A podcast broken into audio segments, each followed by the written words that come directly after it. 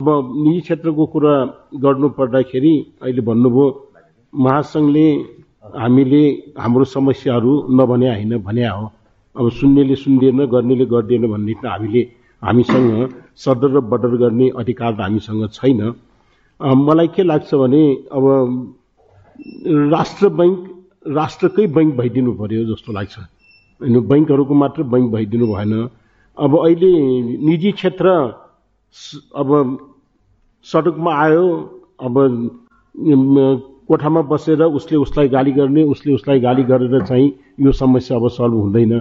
मलाई लागेको कुरो व्यवसायी अनि राष्ट्र बैङ्क बैङ्क सबै बसौँ आफ्नो आफ्नो समस्या राखौँ र यसलाई जति सक्यो छिटो निराकरण गरौँ जस्तो लाग्छ। अहिले अर्वार्षिक समीक्षा आउँदाखेरि हामीले केही राम्रै कुरा आउँछ जस्तो हामीले लागेका थियो। तर सबभन्दा ठुलो अब समस्या सबैलाई थाहा छ। अहिले जति पनि राष्ट्रपतिले बोल्दादेखि लिएर मन्त्रीले बोल्दादेखि या गभर्नरज्यूले बोल्दा पनि हामीले बोल्दाखेरि पनि सबैजना एउटै कुरा भन्छ डिप्रेसनले देश चल्दैन। तर डिप्रेसनैमा हामी भर परेका छौँ। किन त? उत्पादन बढाउनु पर्छ नेपालमा शत प्रतिशत नेपाली नै सामान लागू भने लागू गरेर बन्ने सामान के के हुन् त राज्यले भनिदियोस् न त हामीलाई। अहिले सुविधा के गरेका छ? राष्ट्र सय पर्सेन्ट नेपाली नै र मेटेरियल लागेको सामानमा यो अलिकति सुविधा दिने भन्छन्। त्यो पनि कन्डिसन गरेर। तर त्यो के सामान हो त? अब दराज दूर दराजमा रिमोट एरियामा उद्योग राखेपछि पाँच सयजना मान्छे राखोस् अनि हामी कर लिँदैन भन्छ। नहुने कुरा गरेर हुँदैन। राज्यले चाहेको के हो? यो कुरा प्रष्ट गरिदिनु पर्यो। र त्यो पोलिसी परिवर्तन हुँदैन भनिदियो भनेदेखि मात्रै निजी क्षेत्र अब लगानी गर्न सक्छ जस्तो लाग्छ। अहिले कुन समयमा के परिवर्तन हुन्छ भन्ने कुरोको कहीँ ग्यारेन्टी नै छैन। अहिले हेर्नुहोस् आयातलाई कम गर्ने हो। अब हामी डब्लुटिओमा जानुभन्दा अगाडि आयात चाहिँ नि हाम्रो डबल माने इम्पोर्ट र एक्सपोर्ट फिफ्टी फिफ्टी जस्तै थियो। अब आएर दस पर्सेन्टमा हुन आयो भनेपछि त यो किन भयो त? यो त नहुनु पर्ने हो। हामीले राम्रो काम गरे भएदेखि। अहिले सबभन्दा ठुलो यो विगतमा तरलता अभाव तरलता समस्या। अब तरलता समस्या छ भनेर यदि ब्याज दर बढाएको हो भनेदेखि ब्याज दर बढाएर तरलता आन भनेदेखि त त्यो ब्याज दर बढाएको त गलत भयो नि त भनेको। तरलता त आन बजारमा। पैँतिस प्रतिशत बैङ्कको पैसा मैले खालि मुद्दा यो मौद्रिक नीतिमा मात्रै मैले उ गर्नु खोएँ म धेरै उसमा लाग्दिनँ। अब पैँतिस प्रतिशत बैङ्कको पैसा संस्थागत हो। गभर्नरजीले भन्नुभयो चार करोड खाता छ। तिन करोड जनसङ्ख्या जनता छन् चार करोड खाता साढे चार करोड खाता भनेको खाता होइन। उहाँ अब अर्को पनि साथीले अठार लाख ऋणी छ चार करोड। अठार लाख ऋणीको कतिवटा खाता छ हेर्ने हो भने त्यो पनि पाँच छ करोडै पुग्छ होला। किन प्रत्येक टर्म लोन लोनहरू? त्यो हामीले खाता खोजे होइन। अब पैँतिस प्रतिशत डिपोजिट यो संस्थागत डिपोजिट छ। अस्ति न एनटिसीको आम्दानी उसको रियल काम गरेर आएको आम्दानी चाहिँ घट्या छ अरे हेर्नुहोस् है आश्चर्य लाग्ने कुरो। बैङ्कको ब्याज बैङ्कको ब्याजको आम्दानी बढेको कारणले एनटिसीको यो सालको आम्दानी बढ्या छ भनेपछि त्यो ब्याजको मार कसलाई परेको छ त भन्दा उद्योगी व्यवसायलाई। अनि हामी उद्योगी व्यवसायलाई उत्पादन गर भनेर अड्टिदिन्छ हाम्रो राजनीतिक नेताहरूले। उत्पादनमा लागत गरेन आयात गरिस् भनेर अड्टिदिन्छ सबैले। आयात गर्ने कसरी? तपाईँहरू सबैले लागत मूल्य हाम्रो कसरी घटाउ घटाउन सक्छ? हामीलाई प्रतिस्पर्धी कसरी बनाउने भनेर भनिदिनुहोस् न। अहिले सबभन्दा ठुलो कुरो के छ त भन्दाखेरि बैङ्कहरूले आफ्नो फाइदा बढाउनु परे पनि आफ्नो लागत बढे पनि राष्ट्र बैङ्कले गरेर होस् त्यो लागतलाई आजको आजै उद्योगी व्यवसाय ऋणीमा सार्न सक्ने ट्रान्सफरेबल इमिडिएटली हुन्छ। अझ अस्ति अस्तिको उसमा उहाँहरूले दिने ब्याज एक प्रतिशत घटाउनु भयो लिने ब्याज अर्को दुई तिन दिनमा बढाउनु भएको छ। हेर्नुहोस् है त्यो त्यो ट्रान्सफर जुन वस्तु र सेवामा ऋणीलाई ट्रान्सफर गरेपछि हामी ऋणीहरूले चाहिँ नि त्यो गरे बढेको लागतलाई हाम्रो वस्तु र सेवामा ट्रान्सफर गर्न हामी सक्दैनौँ। किनभने बाहिरबाट आएको वस्तुसँग हाम्रो प्रतिस्पर्धी हुनुपर्छ। र त्यो सा हाम्रो उत्पादनले या हाम्रो व्यवसायले अझ व्यापारले पनि नभएको इलिगल आएको सामानसँग व्यापारले प्रतिश्रुति गर्नुपर्ने अवस्था उत्पादनले वस्तुसँग आयातसँग प्रतिश्रुति गर्नुपर्ने क्षमता हाम्रो विकास भएन भनेदेखि त व्यवसायमा लगानी गर्नेको त लगानी गर्ने उत्साह कहाँबाट हुन्छ?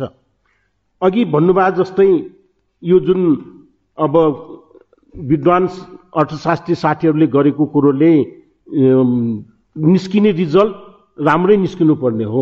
निस्किएन भने त त्यो गरेको सिद्धान्त त गलत भयो। त्यो गलत गरेपछि त त्यो अर्थशास्त्रीलाई त केही पनि दण्ड हुँदैन। उहाँले जरिवाना पनि हुँदैन तलब पनि पाउँछ। अझ उहाँले त्यो कन्सल्टेन्सी पैसा लिएको पनि होला। तर त्यसको रिफेक्ट त हामी व्यवसायहरूले भोगिरहेछौँ आज। हिजोको दिनमा तपाईँहरू मलाई भन्नुहोस् अब पुनर्कर्जा हामीले भने हो मागे हो त्यति बेला पुनर्कर्जा दिएकै गल्ती गरे भन्नुहुन्छ। त्यति बेला पुनर्कर्जा नदिएको भएदेखि व्यवसाय भन्नुहोस् व्यवसायीको तिन महिना टोटल्ली बन्द भएको थियो कारोबार। त्यति बेला हामीले रिक्वेस्ट गरे हो राज्यले राष्ट्र ब्याङ्कले चाहिँ त्यसलाई अनुमोदन गर्यो पुनर्कर्जा दिया हो त्यो पुनर्कर्जा लिएर तिमीहरूले अन्त इन्भेस्ट गर्यो। अन्त इन्भेस्टमेन्ट जसले गरेको छ उसलाई समात्नुहोस् न। त्यो कति इन्भेस्टमेन्ट गरेको छ? राष्ट्र ब्याङ्कसँग भएको तथ्याङ्क नै गलत छ म भन्छु। किनभने त्यो तथ्याङ्क तपाईँले जति भन्नुहोस् तपाईँले जुन तथ्याङ्क गरेका छ नेपालको कन्जुम्सन कति छ भन्ने कुराको तथ्याङ्क गलत छ। त्यसमाथि पनि हामीले के गर्छौँ त भन्दाखेरि विदेशीलाई चाहिने सामान पनि हामीले हाम्रो डलर खर्च गरेर मगाइदिने गरेका छौँ। यसको कन्ट्रोल खोइ त। अब हामीलाई हामी कहाँ भएको सामान पनि आयात रोक्नुहोस् न जुन सामान नेपालमा जाने जरुरी छैन। रिजर्भ गर्छ नि त। जुनसुकै आलु अहिले के भन्छ स्याउ आयात भएको छ भनेर अघि पत्रिकामा हिजो देखाएको थिएँ। नम्बर टेनमा पुगिरहेछ किन आयात गर्ने दिने त स्याउ? फलफुल किन आयात गर्न दिने? नखाएर केही हुँदैन। हेर्नुहोस् भनेपछि नेपालको स्याउ बाहिर गएको छ बाहिर गएको तथ्याङ्क छैन। मैले यसले प्राथमिक वस्तुहरू नेपालबाट बाहिर जाँदाखेरि त्यसको डलर आम्दानी भयो भएन रेकर्ड छ छैन भन्ने कुरा क्लियर छैन नेपालमा। म अघि भन्दै थिएँ अहिले जुन त्यो पुनर्कर्जा हामीले नपाएको भएदेखि त्यति बेला व्यवसाय तिन महिना बन्द हुँदाखेरि करिब करिब भन्नुहोस् तेत्तिस पर्सेन्ट व्यवसाय बन्द भयो। त्यो पैसा लिएर हामी धेरैले के गर्यौँ त भन्दा तलब दिनुपर्ने थियो तलब दियौँ। बैङ्कको ब्याज तिर्नुपर्ने थियो ब्याज तिर्यौँ। अनि व्यवस्थापनको लागि नै खर्च गरे हो। त्यो जसले गलत गरेका छैन उनीहरूलाई त पुनर्कर्जा तिर्नको लागि हामीलाई समय त चाहियो नि। ल एक वर्षभित्र बिस पर्सेन्ट फाइदा हुन्छ र भनेको? कहाँबाट पैसा ल्याउने त? अहिले पैसा सोचन गरिदियो। गइदिएपछि त त्यो पीडा कहाँ गएर बोक्ने? सडकमा आएर पैसा तिर्दैन भनेर सडकमा आइस भनेर हामीलाई इन्जाम लगाएको छ। काम छोडेर डे टु डे हाम्रो सूर्य आयो कि त हाम्रो ब्याज लाग्छ। भनेपछि त्यस्तो मान्छेहरू सडकमा आएपछि कोही सिरियस छन् र राजनीति गर्दैमा राजनीतिकहरूलाई फुर्सद छैन निर्णय गर्ने उनीहरूका अधिकार छ। भनेपछि मान्छे मर्या छ पेट्रोल छरेर अनि त त्यो त्यसै मर्या त होइन। आज रिकर्ड भएको मान्छे मर्या छन्। अहिले प्रत्येक सहरमा मान्छेहरू मरिरहेछन्। यो मरेपछि एकजना मान्छे विश्वमा मर्यो भनेदेखि त त्यो देशको राज्यले आफ्नो जनता मर्यो भनेर कस्तो पीडा हुन्छ? भनेपछि अहिले त्यसको आजसम्म कसैले पनि यो नीतिगत निर्णय चेन्ज गर्नलाई खोज्या छैन। त्यो त रातारात गर्नुपर्ने नि प्रधानमन्त्री मन्त्रीहरूले होइन र? जब जनताको जनताको सुरक्षा जनताले भनेको कुरो सुन्नलाई फुर्सद छैन। भनेपछि त्यस कारणले राज्यले चाहेको के हो? जम्मै अब कोही भन्छ राज्यले गर्नुपर्ने। अब तपाईँले अघि भन्नुभयो सौरभजीले जुन छ यो डिप्रेसन डिप्रेसन बाहेक पनि अरू पनि क्षेत्रहरू थियो। पर्यटन पछिको सर्भिस सेक्टर भनेको हाम्रो शिक्षा स्वास्थ्य क्षेत्र राम्रो गर्न सक्थ्यो। गोविन्द केसी मर्ला भनेर यहाँ पुलिस नै चेन्ज हुन्छ। हेर्नुहोस् सयजना मान्छे डेढ सयजना मान्छेलाई पढाएर आएको सयजना गर्यो। किन गर्यो? कसैलाई भन्नै पर्दैन। गोविन्द केसीले विरोध गरेका छ। अहिले चाहिँ तपाईँको दुई हजार चाहिँ नर्स बिराइट पठाउने। अनि नेपालमा चाहिँ नि नर्सहरू चाहिँ नि पढाउने स्कुलहरू बन्द गरेर पठाउने। के भन्ने आयो? राज्यले चाहेको के हो? राष्ट्र ब्याङ्कले भन्न खोज्या के हो?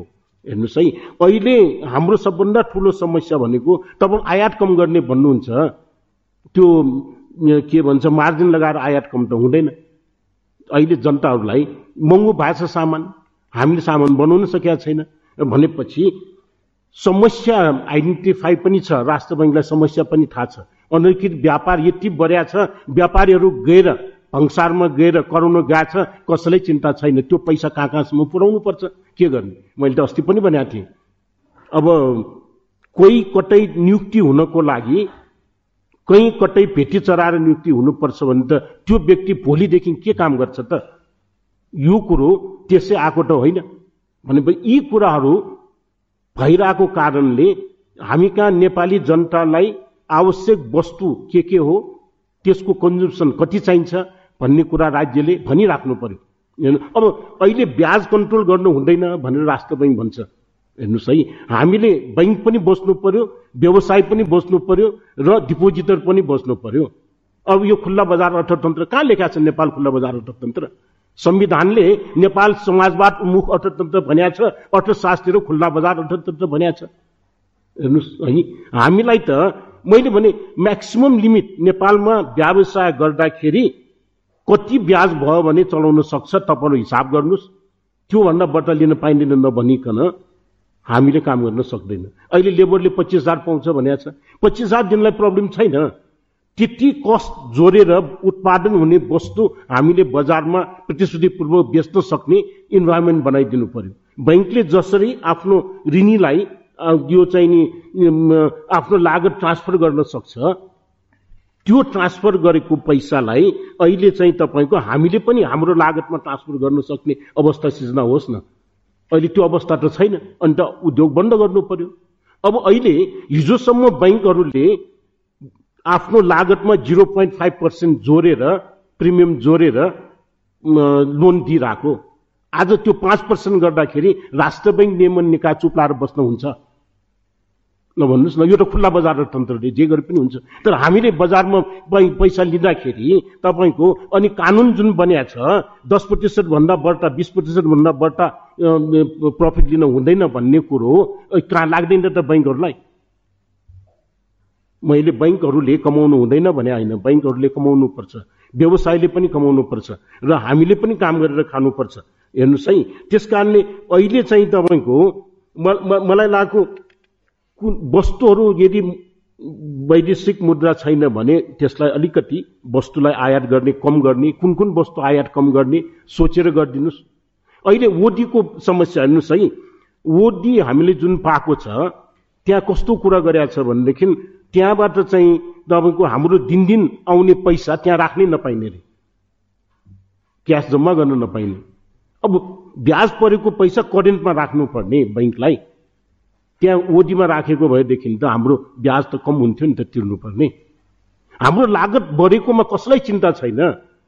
अनि त त्यो चिन्ता यदि राज्यले लिएन भनेदेखि त कसले कसरी उत्पादन हुन्छ भनेको? अनि आयात बढेकोमा चिन्ता गर्नु खोज्छ। हेर्नुहोस् है अब मार्जिन सेभ प्रतिशत अहिले हटायो। हामीले अब अनलाइन पेमेन्ट गर्छ भङ्सारमा भङ्सारमा सामान पठायो भनेदेखि विभिन्न लिइसकेपछि दस पर्सेन्ट मार्जिन लिइरहेको छ। ब्याज दिँदैन। ब्याज नदिकन पैसा बैङ्कले राख्न मिल्छ भनेको कुन कानुनले मिल्छ? बिना ब्याज राष्ट्र बैङ्कले पनि तपाईँहरू नियमन निकायले तपाईँको ब्याज नदिकन यो पैसा राख भन्न मिल्छ। हामीले पैसा त्यहाँ राखेपछि त बैङ्कले ब्याज तिर्नु पर्यो नि। किन तिर्नु परेन? हाम्रो ब्याज तिरेको पैसा हो। एकजनाको नागरिकको हामी कमाएर खाने नागरिकको ब्याज तिरेको पैसा ब्याज आउने पैसा सित्तैमा राख भनेर नियमन निकायले भन्नु भनेको त्यो जति गैर जिम्मेवारी र अन्यायपूर्ण काम के हुन सक्छ? त्यो मानेर हामी बसिरहेछौँ भनेपछि हामी सडकमा आयो भनेर हामीलाई नै विरोध गर्छ। हेर्नुहोस् है त्यस कारणले त्यसले के गर्छ त? लागत बढाउँछ। अब राष्ट्र ब्याङ्कको भनाइ कि? त्यो लागत बढाएपछि आयात कम हुन्छ। आयात कम भयो त। हुँदैन। यहाँ डिमान्ड त छ। अहिले ब्ल्याकलिस्ट गर्ने भन्ने कुरो विलफुल डिफल्टरलाई मात्र ब्ल्याक ब्ल्याकलिस्ट गर्ने हो। मसँग पैसा छ तै पनि मैले तिरेन। त्यो होइन र ब्ल्याकलिस्ट भने तर अहिले नेपालमा त के छ भने मसँग पैसा छैन मैले तिर्न सकेन भनेदेखि पनि ब्याकलिस्ट भइरहेछ। बैङ्कले अहिले सिमेन्टको कुरा अघि गर्नुभयो। सिमेन्टको नेपालमा डेढ लाख मेट्रिक टनको डिमान्ड दुई लाख मेट्रिक टनमा बैङ्कले लगानी गर्ने अनि अहिले पैसा उठेन भनेदेखि चाहिँ त्यो लस बैङ्कले बैङ्कले पनि सहनुपर्छ कि पर्दैन? गलत ठाउँमा यदि बैङ्कले लगानी गर्छ भने त्यो लगानी जनताको पैसा छ भनेर मात्र त्यो व्यापारीलाई कन्ट्रोल गरेर त भएन। त्यहाँ यदि बैङ्कको गलत छ भनेदेखि बैङ्कलाई पनि हुनुपर्छ राष्ट्र बैङ्कको प्रकाश सर हुनुहुन्छ। म के भन्न चाहन्छु भने मैले पहिले पनि भनेको थिएँ तपाईँले गर्नु भएको छ जस्तो सर्भिस चार्ज घटाउनु भएको छ। अहिले सर्भिस चार्ज भन्ने किन भन्ने कुरा आएको छ। हामीले पन्ध्र पर्सेन्ट लिनुलाई भनेका छौँ। अब अहिले भनेको तमसुकमा लिने ऋणीको पनि अधिकारको कुरो लेखिदिनु पर्यो उनीहरूको कर्तव्यको कुरा पनि लेख्नु पर्यो।